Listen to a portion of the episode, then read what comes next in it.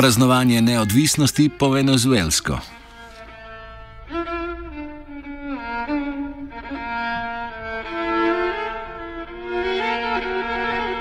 Več tisoč protestnikov se je včeraj na venezuelski praznik osamosvojitve izpod španske oblasti zbralo na ulicah Venezuele. Medtem ko so eni zahtevali odstop predsednika Nikolasa Madura in sklic predsedniških volitev, so drugi izražali podporo predsedniku in bolivarski revoluciji. Protesti opozicije sicer trajajo že od začetka aprila in so terjali več smrtnih žrtev.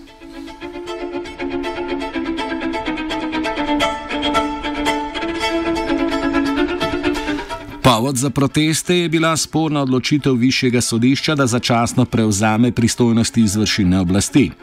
Kljub temu, da je že čez nekaj dni svojo odločitev preklicalo, so se protesti nadaljevali z zahtevami po odstopu Madura.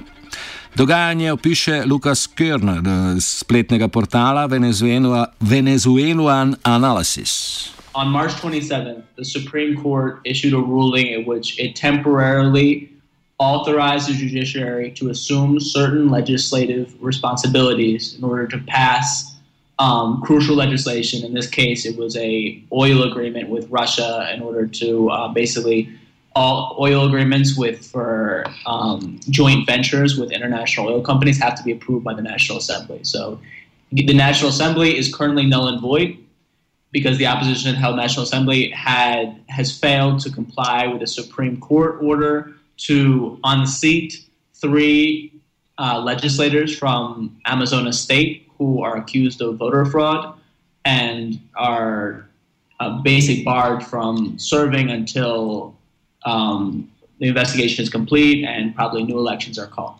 But the National Assembly has refused that order, and basically, as a result, is there's a basically a permanent standoff or um, conflict within the, between the different branches of government, in which the National Assembly basically is not governing, um, though it could simply unseat those three justices, um, excuse me, unseat those three deputies and continue to pass legislation. Basically, what you have is this institutional standoff. And the current, you know, this has come to a head with the Supreme Court ruling, you know, uh, late March. And, you know, as in response to that, the Venezuelan Attorney General came out and said that it was unconstitutional. Now, it remains to be seen. You know, it's unclear because it was a, a, a, debate about whether it was or not, but whatever. The point is that she called it unconstitutional, and they subsequently, on April 1st, reversed their ruling. However, the Venezuelan opposition has, you know, taken to the streets since April 4th, uh, really since April 1st, but really the and, and actually protests that have seen you know repeated and widespread occurrences of clashes with authorities, property destruction, arson, you know, uh, violent protests um, since April 4th. Prvotna zahteva protestnikov je bila odstavitev višjih sodnikov, vendar za to niso imeli pravne podlage. The initial call was to remove the Supreme Court justices, though that really, given that the, the Supreme Court decision had been reversed. It was unclear, you know, why exactly they were demanding that.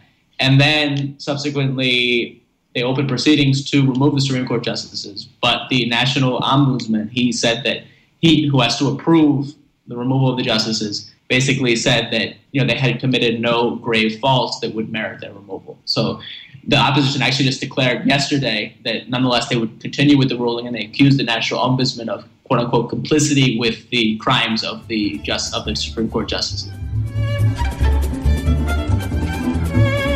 Dober teden po začetku protestov je Maduro napovedal regionalne in občinske volitve, ki bi se sicer morale izvesti že decembra prejšnje leto. Vendar jih je nacionalni volilni svet zakasnil, saj je ravno potekal proces sklica referenduma za odstavitev predsednika. Well, the official line of the government is that they were postponed because the um, this, the CNE, which is the, the, the, National Electoral Council, that they claimed that they could not um, hold them because they were in the middle of the recall referendum process. You know, basically last year, the opposition um, under the Venezuela, Venezuela is one of two countries in the hemisphere that has a provision to revoke the president, you know, within halfway through his term and hold new presidential elections. So the opposition, you know, sought to activate that last year. However, that process ultimately ended up stalled in the courts due to a variety of factors. Um, yeah, I would say most importantly that the opposition uh, really delayed in beginning the process. It's an eight eight to ten month process. They delayed they were pursuing the moment when they, they took, uh, won the National Assembly elections in, in December 2015. They came, they were sworn in in January 2016, and the president of the National Assembly, Henry Ramos Allup, declared within days that he would he promised to oust Maduro within six months, which would be impossible with a recall referendum. So they were they were playing with other you know constitutionally dubious mechanisms to oust Maduro, calling for protests, which really no, um, no one turned out for. Um, they passed an amendment to shorten the constitu- a constitutional amendment to shorten the presidential term retroactively by two years, which would force presidential elections. But you can't retroactively shorten a term that a, a, person has been democratically elected to. So that, that was also struck down in the Supreme Court. Um, you had, you know, an attempt to, or a really half-hearted attempt to convoke a constituent assembly to rewrite the Constitution. So you, you basically had, you know, infighting within the opposition about what was the best, and this continues to today, what is the best um, strategy for ousting the Chavista government.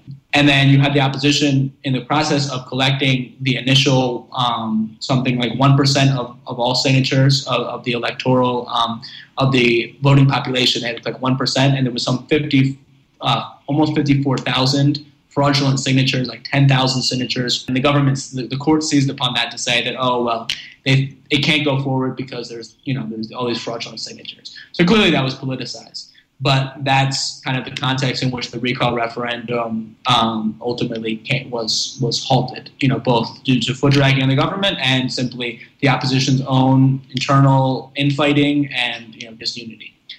So, you know, and the, the CNE seized upon that to delay regional elections, which are constitutionally fixed for, you know, well, were fixed for this year. Um, for that for the late 20, they had to be held by December 2016. In the same way that presidential elections have to be held in 2018. You know, they can't be held now; they have to be held in 2018.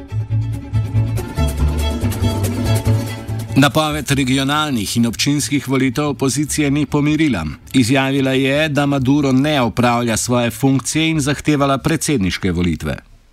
The opposition has not really taken the quite constitutional legitimate demand of, recall, of regional elections to be held.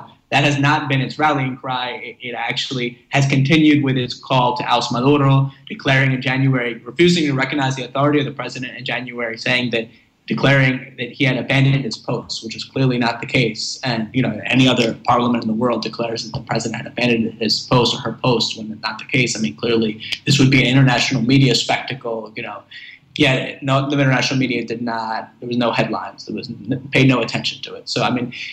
Clearly, I mean, because the opposition fundamentally is not really interested in regional elections, they're interested in in ousting the government immediately by what, by any means necessary. So, and as you can see in the current protest, in which the demand for regional elections, Freddy Guevara on April 9th, he explicitly said that regional elections are important, but general elections um, are, are, you know, are, are demanded general elections. Um, we, we can't we can't we can't be satisfied with um, regional elections while our people are in the street. Benzin na ogen protestov je prilila odločitev generalnega nadzornika, da vodjo opozicije in nekdanjemu kandidatu za predsednika Enrikeju Caprilezu prepove izvajanje političnih funkcij zaradi številnih nepravilnosti, ki jih je zagrešil kot guverner Zvezdne države Miranda.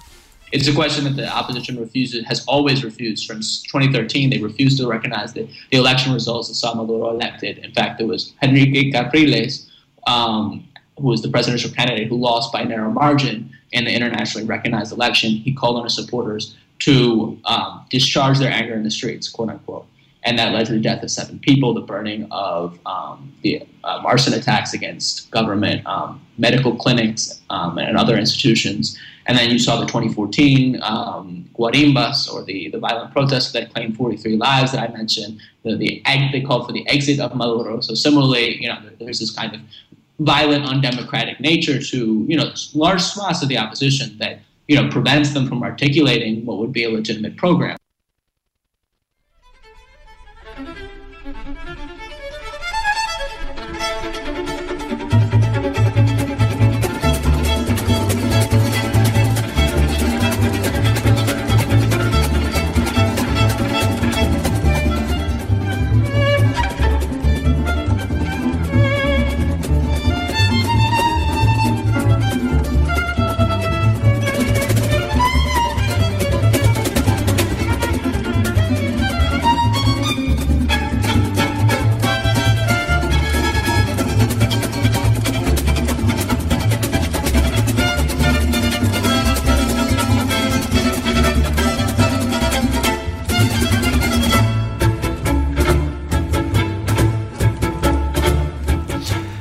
Najnovejše javnomnenjske ankete sicer kažejo, da je priljubljenost Madurove Združene socialistične stranke Venezuele oziroma PSUV od januarja narasta 27 na 35 odstotkov, medtem ko priljubljenost opozicije zaostaja za 6 odstotkov. Kljub temu opozicija ustraja, njeno osredotočenje zgolj na odstavitev Madure pa onemogoča artikuliranje legitimne kritike vlade, zaključi Körner. It's a question that the opposition refuses, has always refused. From 2013, they refused to recognize the, the election results that saw Maduro elected. In fact, it was Enrique Capriles, um, who was the presidential candidate who lost by a narrow margin in the internationally recognized election. He called on his supporters to um, discharge their anger in the streets, quote unquote and that led to the death of seven people, the burning of um, the uh, arson attacks against government um, medical clinics um, and other institutions.